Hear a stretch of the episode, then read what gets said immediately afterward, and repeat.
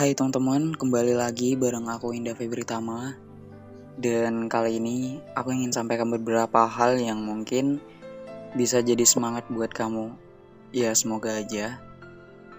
Dari apa yang aku sampaikan juga bisa menjadi energi positif untuk kamu dan juga diriku sendiri. Kayak yang udah pernah aku bilang di episode sebelumnya Kali ini aku mau bahas tentang broken home dan kita udah tahu sendiri kalau broken home itu atau anak broken home itu cenderung ngerasain banyak hal dalam hidupnya. Mungkin sebagian dari teman-teman juga broken home atau ada yang gak terlalu tahu apa itu broken home.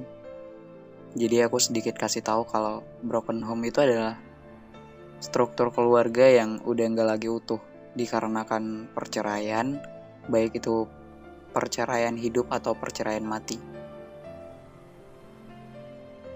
Ada beberapa lagi sih yang bisa kita katakan sebagai broken home.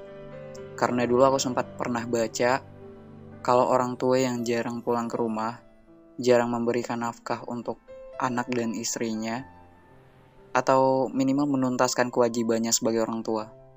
Nah, anaknya juga bisa dikatakan broken home. Dan aku di sini nggak mau menghakimi atau bahkan berusaha buat menggurui Iya, walau mungkin aku nggak mengurangi beban yang lagi kamu tanggung, seenggaknya aku bisa sampaikan isi kepalaku yang semoga saja satu pemikiran denganmu. Tapi setuju atau enggaknya kamu dengan apa yang aku sampaikan, ya itu hakmu, karena bagiku itu bukanlah hal yang perlu diperdebatkan. Mungkin kita udah pada tahu ya, kalau anak broken home itu sangat-sangat merasa kehilangan peran penting sebuah keluarga dalam hidupnya kadang dia ngerasa tertekan hingga kadang dia juga menyalahkan dirinya sendiri atas perpisahan orang tuanya. Dampak dari perceraian kedua orang tua emang sangat besar bagi seorang anak. Kadang nih, ketika orang tua kita berpisah, kita akan mengalami kesedihan yang berkelanjutan karena kita mendambakan keluarga yang utuh, yang dibalut dengan rasa kasih sayang dalam keluarga tersebut. Tapi kita nggak dapetin itu karena keluarga kita udah berpisah atau orang tua kita udah berpisah. Dan hal itu yang jadi beban pikiran buat kita. Membuat kita bersedih hati lantaran perpisahan orang tua kita itu. Tapi kita sebagai seorang anak kadang nggak bisa ngelakuin apa pun untuk mencegah hal itu terjadi. Kita kayak cuma bisa nerima dan merasakan akibatnya. Padahal yang bercerai orang tua kita bukan status kita sebagai seorang anak tapi yang merasakan dampaknya malah kita. Anak broken home juga mungkin pernah menyalahkan dirinya atas perceraian orang tuanya. Kayak seolah-olah dialah yang salah atas perpisahan itu. Mengutuk diri dan bersedih hati berlama-lama. Tapi sebenarnya keputusan berpisah itu mungkin karena emang dalam keluarga itu udah gak sehat lagi. Kayak orang tua kita udah sering berantem dan memilih untuk berpisah. Nah, sedangkan kita yang gak tahu apa-apa harus menerima dampaknya dari perceraian itu. Kayak gak adil aja kan? Tapi ya kita gak bisa ngelakuin apa-apa juga. Toh kita cuma bisa nerima dan lambat laun mungkin kita akan mengerti bahwa keputusan itu mungkin adalah yang terbaik buat kita atau buat orang tua kita. Walau sejak kecil kita akan tertanam rasa stres yang berkepanjangan, kepikiran terus soal itu. Dan bagiku ya yang berlalu biarlah berlalu. Mungkin kita kayak mendambakan sosok keluarga yang utuh itu lagi. Ada masanya saat kita merasakan, tapi apa daya, kita nggak bisa ngelakuin itu. Atau bahkan gara-gara perceraian orang tua kita, kita malah jadi takut buat ngejalin hubungan sama orang lain. Karena kita udah pernah kehilangan nih rasa percaya pada seseorang. Tapi aku yakin manusia itu akan berubah seiring berjalannya waktu. Dan aku juga yakin kamu mampu melakukan apa yang seharusnya kamu lakukan.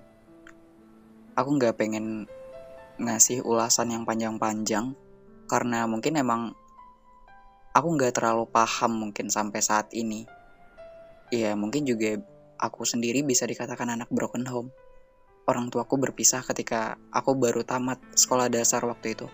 Ya nggak terlalu kecil sih. Dan saat itu aku merasa kehilangan sosok keluarga. Kayak pada masa itu aku ngerasa nggak seberuntung orang lain yang bisa pergi ke mana pun sama keluarganya tanpa kekurangan satu anggota keluarga pun. Kayak pengen aja gitu, kumpul tanpa kurang satupun. Tapi ya aku cuma bisa nerima semua itu. Dan sampai kini aku baru sadar kalau perpisahan itu adalah yang terbaik buat ibuku. Ya mungkin saat ini aku hanya kehilangan sosok keluarga, bukan sosok seorang ibu atau sosok seorang ayah. Aku tinggal sama ibuku sejak SMK SMK pun aku udah sering ketemu dengan ayahku. Ya walau tidak sesering itu. Seenggaknya mereka hanya berpisah sebagai suami dan istri, tapi bukan berpisah sebagai ibu dan anak untuk aku. Ya, seenggaknya aku masih punya ayah dan punya ibu, dan aku bersyukur untuk itu. Walau mereka udah nggak lagi satu keluarga, atau yang kita sebut suami istri, ya aku bersyukur karena mereka masih ada. Inilah yang sering aku katakan kalau kita itu butuh ruang untuk bercerita. Bukan untuk menarik simpatik orang lain, tapi untuk mendamaikan diri sendiri kayak kita menyatakan sesuatu yang bikin kita itu lapang atas semua cerita itu. Biar kita lebih bisa berdamai atas semua yang pernah kita alamin. Karena nggak semua orang itu baik-baik aja. Selalu ada cerita yang meng yang bikin kita luka. Tapi kalau nggak kita ceritakan, kita malah malah tambah semakin luka jadinya. Jadi ya selagi cerita itu layak untuk diceritakan ya ceritakan aja gitu. Dan itulah kenapa aku cerita soal ini. Uh, gak perlu juga menceritakan detailnya pada seseorang, karena gak ada gunanya juga. Ceritakan aja yang emang pantas diceritakan, dan simpan cerita kamu yang yang kamu jadikan sebagai rahasia. Itu aja udah cukup. Dan terima kasih buat teman-teman yang udah denger aku cerita. Semoga dari apa yang aku katakan tadi bisa jadi energi positif Walau nggak banyak kata, walau nggak banyak yang bisa aku kutip, seenggaknya itulah yang bisa aku sampaikan. Dan itulah yang bisa aku ceritakan. Ya singkat-singkat aja sih.